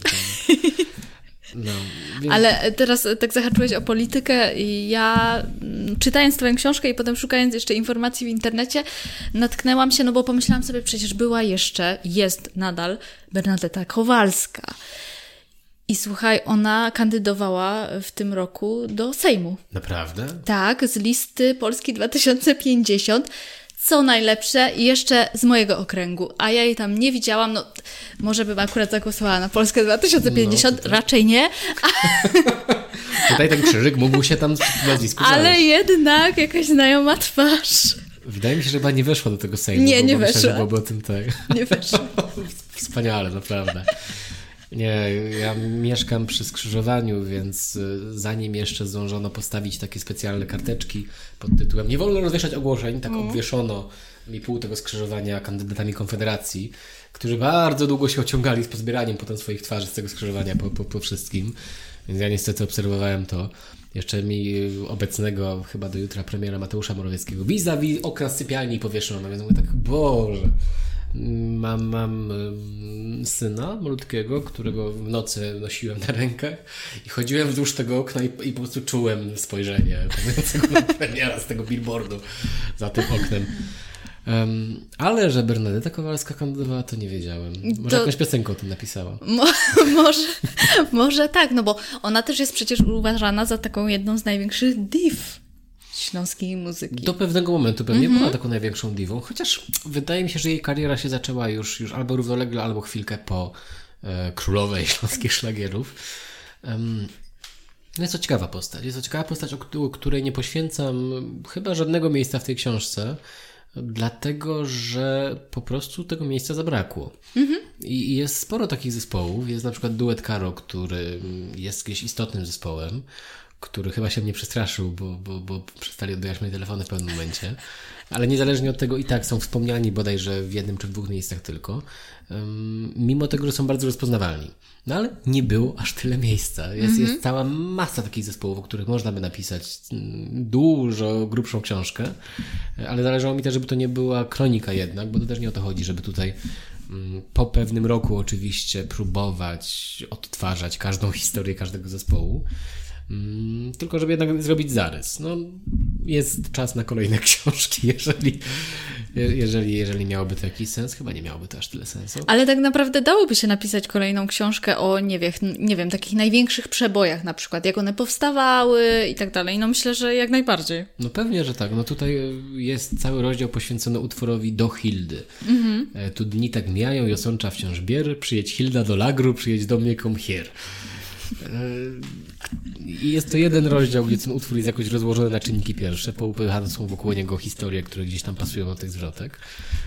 Natomiast, no tak, no tych, tych piosenek jest cała masa. No, uwielbiam w ogóle te piosenki, do których te dyski są na YouTubie. Mhm. To jest coś takiego, taki troszkę lost media w pewnym momencie, e, czyli te wszystkie na Abrahama, te w Bady House, Moplik zresztą, to są teledyski, które nagrywała Antena Górnośląska z Michałem Smolorzem i oni je nagrywali jakoś już w latach dwutysięcznych i to poszło do jakiejś szuflady, leżało w tej szufladzie z 6-7 lat i zostało wyciągnięte przy okazji innego zupełnie programu, który produkowano i dzięki temu ocalały te rzeczy.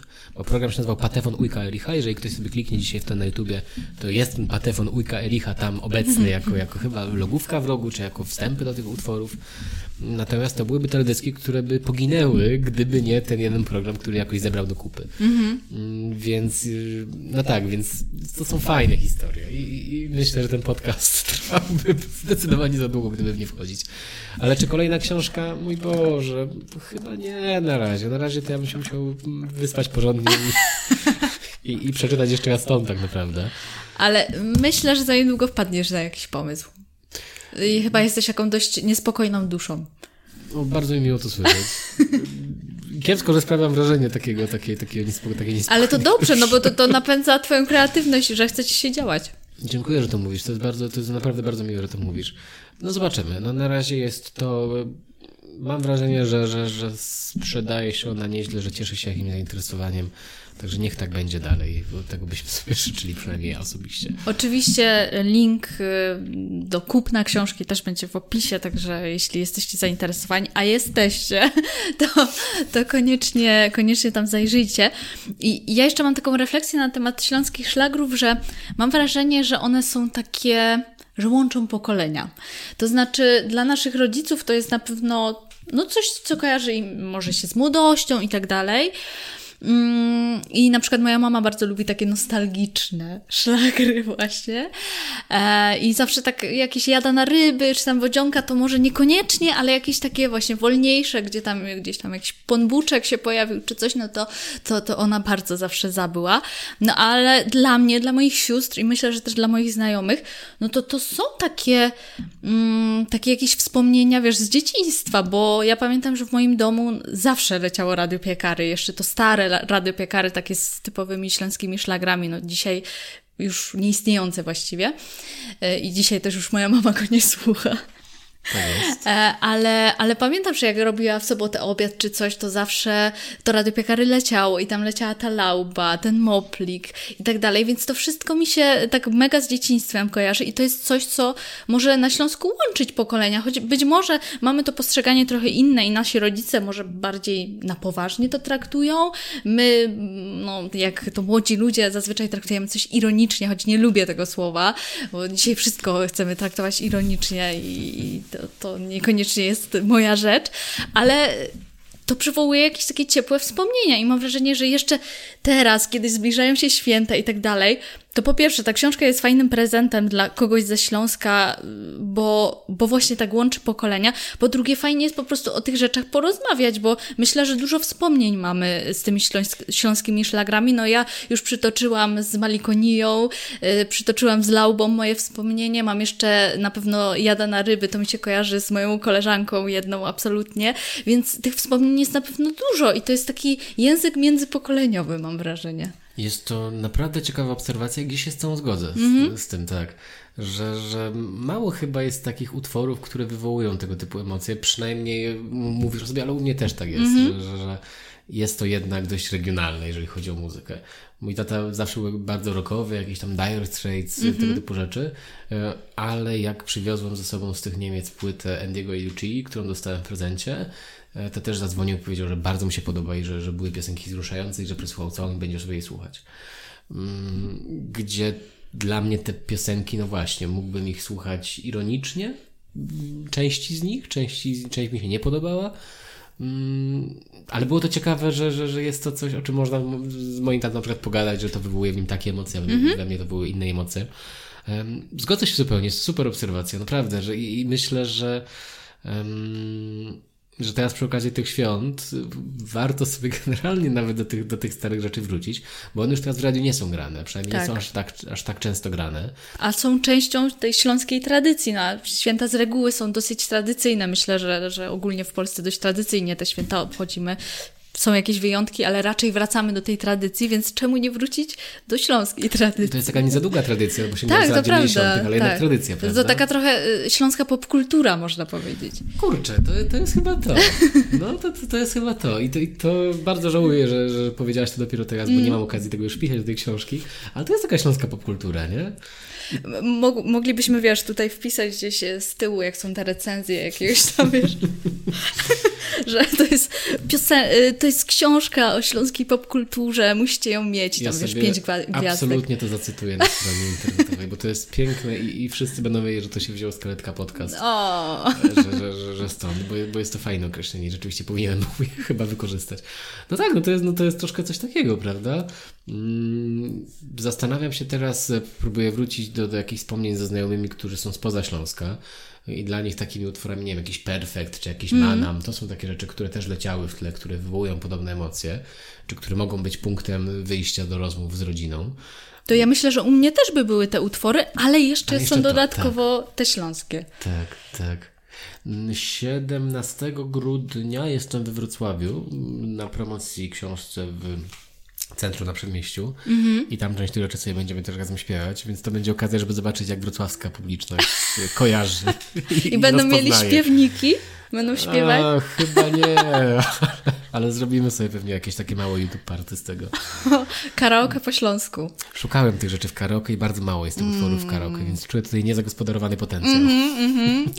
Ja myślę, że to totalnie mogłoby się wydarzyć gdzieś. No najlepiej by było tutaj na Śląsku, no bo byłaby szansa, że więcej osób przyjdzie, ale gdzieś w Katowicach, na przykład w jakimś ministerstwie czy coś, wiesz, śląskie karaoke. No ale nie przyszłabyś na coś takiego? ja bym przyszła totalnie, ja uwielbiam karaoke. Prawda? A, a jeszcze karaoke karaoke z Moplika albo z Wodzionki. tak. Jeszcze Wodzionka ten tekst pędzi jak, jak głupi, to wiesz, to, to, to się wcale niełatwo śpiewa, ale jakieś takie familoki. Mm -hmm. Na tymże weselu, o którym już wspominaliśmy dzisiaj mojego brata, przecież były grane Kajwejrzysz familoki i to był piękny moment. U nas też były grane. No proszę. I był to piękny moment? Był, absolutnie. Może nie ale, do pierwszego tańca? Ale... ale wiesz, najlepsze jest to, że, y, że wszyscy śpiewali, po prostu wszyscy to znali. I, mm. i moi znajomi, którzy są w moim wieku, y, i, i, i babcia, i rodzice, wszyscy. No, takim utworem, który wszyscy śpiewają jest też na przykład um, Obalili Halba. Mm. To też jest taka pierdółka właściwie, utwór żart, który, którego nikt o zdrowych zmysłach sobie na YouTubie nie puści, żeby sobie przesłuchać albo na spot i nie doda. E, ale jak gdzieś to poleci, jak ktoś gdzieś to otworzy, to to wywołuje falę wspomnień. I też chyba jedną z gwiazd, chociaż to już jest z tej nowszej fali szlagrów i to w ogóle nie jest po śląsku, ale też jest, no myślę, że mega popularne. No to przebiło chyba 40 milionów wyświetleń na YouTubie niedawno. To tutaj jak o tym pisałem, to jeszcze miało troszkę ponad 30. Teraz tak, 32 chyba. Tak, teraz jest na pewno ponad 40, mm -hmm. bo, to, bo to sprawdzałem parę dni temu. Nie ja sprawdzałem, mój brat sprawdzał na potrzeby tego spotkania autorskiego. Cesarz Wojca Cesarski Wojtek, przepraszam cię. Próbuję sobie tutaj przypisać jakieś swoje zasługi. Pozdrawiamy Wojtka. Pozdrawiamy Wojtka. Ciekawe, czy dojdzie do tego momentu. Może sobie tak przyspieszy, wiesz, na dwa i, i dojdzie. On już, on już się nasłuchał mnie opowiadającego o tych szlagrach wystarczająco dużo, wiesz. Fajny facet, polecam. Mm -hmm. No, ale już tak nie polecaj, bo już jest zajęty.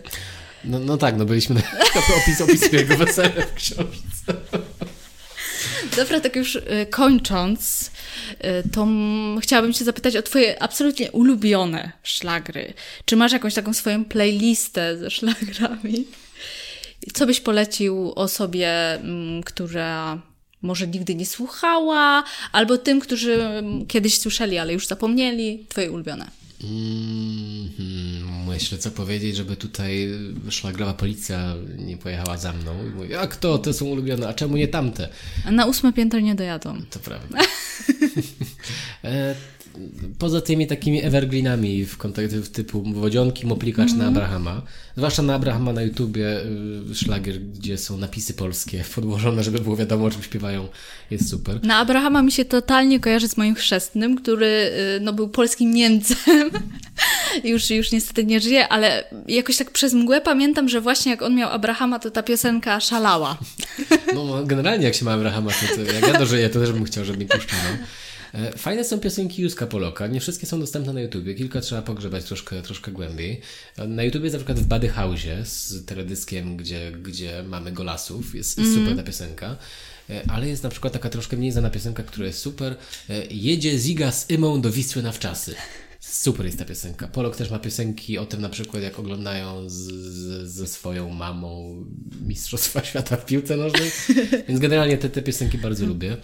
Um, lubię zespół Edmans i Edmans mm -hmm. ma, ma dwie te takie najbardziej znane. To jest Coś Wesołego, które jest super e, i to jest Jada na ryby, który też jest super, z fajnym teledyskiem. Mm, to jest zresztą Edek Sikora, który jest odpowiedzialny za dużo tych tekstów. Fajne są te rzeczy. Stary Zygor zespołu Oxford Duo jest klasykiem, który każdy powinien znać.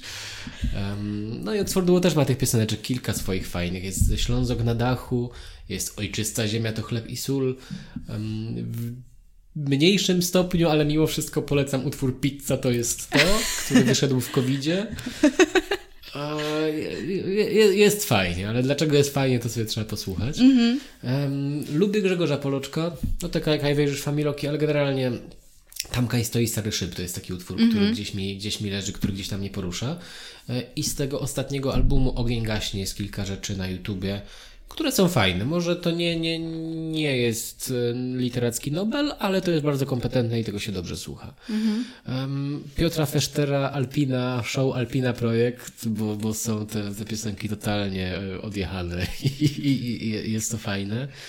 E, Mariusza Kalagi, jedną z gwiazd, bo to jest klasyka. Teresy Werner polecam sobie posłuchać e, te utwory, które mają troszkę mniej wyświetleń. Mm-hmm. I to na pewno tutaj nasi słuchacze, twoi słuchacze, jeżeli mają uszy, to też rozumieją dlaczego. Um, więc niekoniecznie dałabym ci dała, ale już na przykład jakieś takie rzeczy typowo chorwackie. Mm, dla wyrobienia sobie opinii, oczywiście. Ale mnie zupełnie zaskoczyło, bo też e, w książce piszesz o tym, że e, Teresa Warnes sprzedaje swoje perfumy. Ja sama nie kupowałam, ale wiedziałam o tym, ponieważ będąc chyba w zeszłym roku u mojej cioci, która pochodzi ze Śląska, ale mieszka na Lubelszczyźnie, no to ona się chwaliła, że ma te perfumy. Oczywiście. I że, I że ona jedzie na koncert bodajże do Lublina Teresy Werner. Ja tak mówię, no okej. Okay. I tutaj nagle się dowiaduję, że one 150 zł te perfumy kosztują. To nie są tanie rzeczy, To nie Boże. są tanie rzeczy, nie, nie, luksus. Tak, to, to, to tak, to jest symbol statusu w pewnym sensie. Mm. No i, no i słusznie, no taki, taki jest image tej, tej artystki, tej wokalistki. Um, ale odchodząc od Teresy Werner, bo tutaj, że, że, żebym nie powiedział czegoś za dużo czasem, E, Śliski temat. Ja tu po prostu odchodzę. Robię krok, okay, krok wstecz. Okay. Wracam do, do popularnych szlagrów. E, Mirka Szołtyska jest kilka fajnych rzeczy. Ta, to wspomnienie o Jusku to jest taki mm -hmm. utwór, który wywołuje dużo emocji w Ślązakach. Przynajmniej tak, tak mi mówiono z ludzi, którzy czytając tę książkę sobie to od, odświeżyli. Tutaj pozdrawiam Żanetę Górecką, która nie sądzę, żeby nas słuchała, ale jeżeli nas słucha, to hej Żaneta, pozdrawiam Cię. I też pozdrawiam Agnieszkę Nowak i Olezia. Sorry, tak korzystam. Okej. A, a, Anu, Anusz też, Anusz Widelec. Um, więc, więc to i zastanawiam się, czy jeszcze jakieś takie rzeczy. Endiego i Luci chce pokazać wam Heimat. Bo to jest taki sztandarowy przykład tych takich utworów tej niemieckiej emigracji, która zaczęła tutaj robić karierę. Mm, Jest to nietypowe, jest to, jest to ciekawe. Plus ma świetny teledysk. bardzo, polecam. Zespołu de facto Murzyny tańcują nie polecam, bo, to, bo to nie jest obiektywnie dobry utwór. Jest, jest cholernie rasistowski. Ale coś, coś z tym jest, bo ja będąc w podstawówce jeździłam na konkursy recyta- recytatorskie po śląsku. E, Więc byłam chyba dwa razy. Za pierwszym razem chyba mówiłam abecadło po śląsku i wtedy w ogóle chyba wygrałam, także dziękuję. A za drugim razem i tutaj ten wątek już niezbyt chlubny i dzisiaj raczej skancelowany, ale mm, wtedy recytowałam e, Murzynka Bambo po śląsku. No tak. E, Ta, takie były czasy. No, No. no tak, no ten Murzynek Bambo to jest w ogóle też, też ciekawy temat. Em, No wiesz, no wychodzą cały czas teksty różne po śląsku, mm, które są lepsze lub gorsze. Sam, ten, sam fakt tego śląskiego to jest, też, to jest też ciekawy temat. Na przykład odzywają się do wydawnictwa, które wydaje dużo rzeczy po śląsku. To jest wydawnictwo Silesia Progress, w Katowicach e, i tam miałem naprawdę szalenie ciekawą rozmowę o tym, że jeżeli ta książka miałaby się u nich ukazać, to trzeba by było ten śląski, który się w niej pojawia, skodyfikować. To znaczy on miałby podążać za tymi zasadami gramatycznymi, e, które teraz są ustalane dla śląskich tekstów. Tam są te dwa nowe znaki, tam jest chyba a z ptaszkiem, czy z kreseczką, czy o z ptaszkiem. Tych, tych alfabetów śląskich było kilka, dlatego one są nie dość, nie dość jasne. Jest taki profil na Facebooku e, o chłopie, który gotuje. Ojej, zapomniałem jak on się nazywa, damy do opisu. Czy to rączka gotuje? Nie, rączka gotuje, właśnie nie, nie rączka. Hop w kuchni, tak się nazywa. Aha. I, Hop w kuchni pisze swoje opisy właśnie tym skodyfikowanym śląskim. E, I o ile one są piękne, o tyle one są na przykład dla mnie czasami niezrozumiałe. M, Mimo, że gdyby to powiedział na głos, to bym pewnie w całości zrozumiał.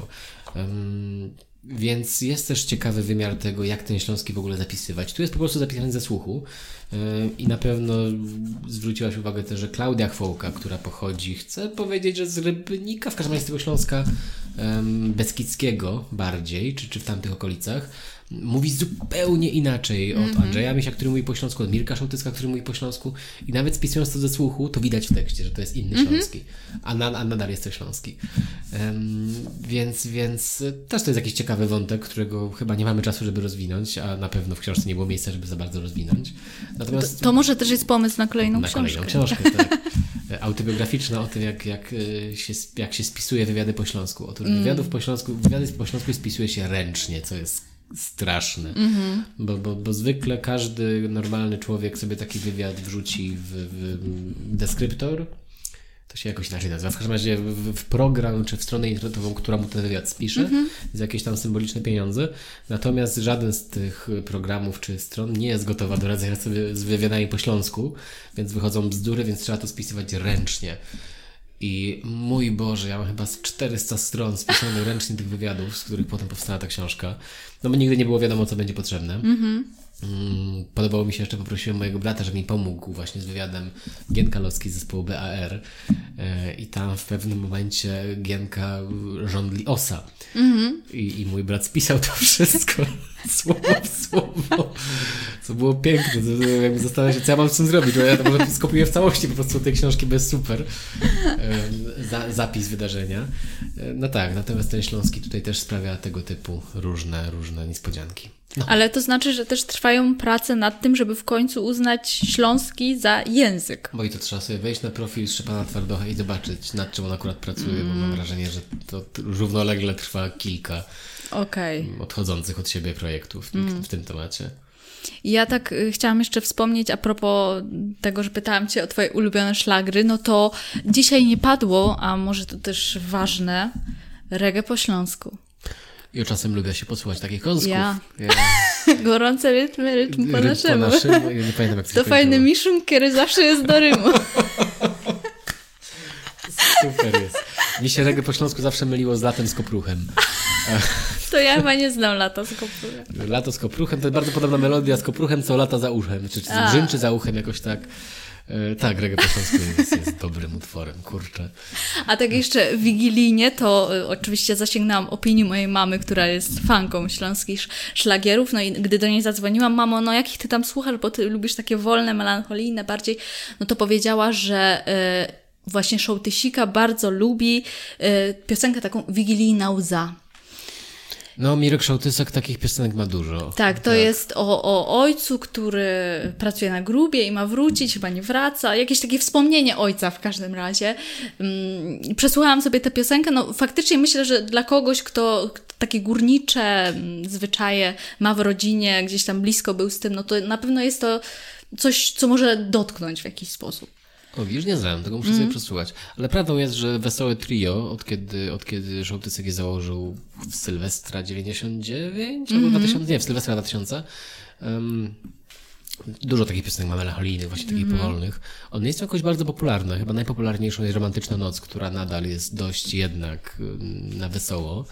Ale tak, ten, ten artysta w repertuarze ma tego dość sporo. E, wspomnę jeszcze, wiem, że już dążymy ku końcowi, ale to jest też jedna z moich ulubionych anegdot.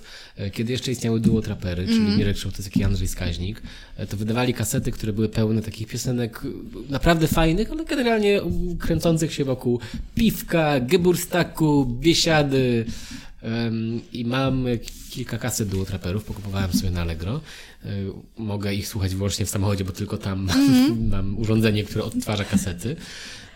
I słuchając jednej z nich, e, właśnie były te piosenki tam, i idziemy na ten geburstak, jemy te krupioki, wszystko jest fajnie i wśród nich jest piosenka Tato proszę, nie pij więcej. I, i, Czy to jest taki śląski odpowiednik Tato nie pij, pójdź już spać ich troje? Tak, mój Boże, chyba tak, chyba tak. Ale on, ale on ch chyba była nawet wcześniej. Natomiast ona jest otoczona piosenkami o piwku i o, i o imprezie. Więc jest, jest to jakieś bardzo niezwykłe, bardzo lubię. Bardzo sobie miło wspomniałem to zaskoczenie, które miałem, jak ona się pojawiła wtedy na tej kasecie. Paweł, bardzo Ci dziękuję. To była świetna rozmowa, taka no, otulająca, zabawna, ale też y, taka czerpiąca z korzeni, mam wrażenie, bo no, dla mnie to korzenie właściwie, bo przecież urodziłam się w 97 roku, kiedy już szlagry istniały, chociaż nie pod nazwą szlagry. Mm, dziękuję Ci, mam nadzieję, że książka będzie się sprzedawać. Was zachęcam do kupna, bo to jest naprawdę fajna rzecz. No ja to przeczytałam y, w dwa wieczory właściwie, także myślę, że to może być rekomendacja, a nie jestem jakimś molem książkowym. Albo to znaczy, że jest za krótka, więc. Ale to ja się cieszę akurat, bo to wiesz, wtedy no tak. nie miałabym czasu jej przeczytać, a tak to przeczytałam i, i jest super. Mm, czy ty, Paweł, mógłbyś przygotować jakąś taką playlistę dla naszych słuchaczy, żeby sobie posłuchali e, i przeszli taką, taką drogę sentymentalną? Damy do opisu, mam na YouTube. Nie mam na Spotify, bo nie mam Spotify'a chwilowo. Ale, ale myślę, że też na Spotify to by było dosyć ograniczone. Okej, okay. no, no, no tak, bo, bo, bo, nie ma tego aż tyle. Damy -hmm. na YouTubie. E, też kilka takich, które mi się tam udało wykopać, których nie powinienem był wykopać. Jak sobie dzisiaj włączyłam jakąś taką, wiesz, z góry playlistę śląskie szlagry, no to nic tam nie było po śląsku. Wszystkie jakieś takie, wiesz, nowe, całkowicie po polsku, więc myślę, że te YouTube'owe mogą być lepsze. Damy radę, będzie dobrze. Też Ci bardzo dziękuję, też mi było bardzo miło i dziękuję za zaproszenie i dziękuję za, za słuchanie nas i jest mi strasznie miło, super było. Dzięki, dzięki wielkie, a Was już za niedługo zapraszam na kolejny odcinek. Cześć!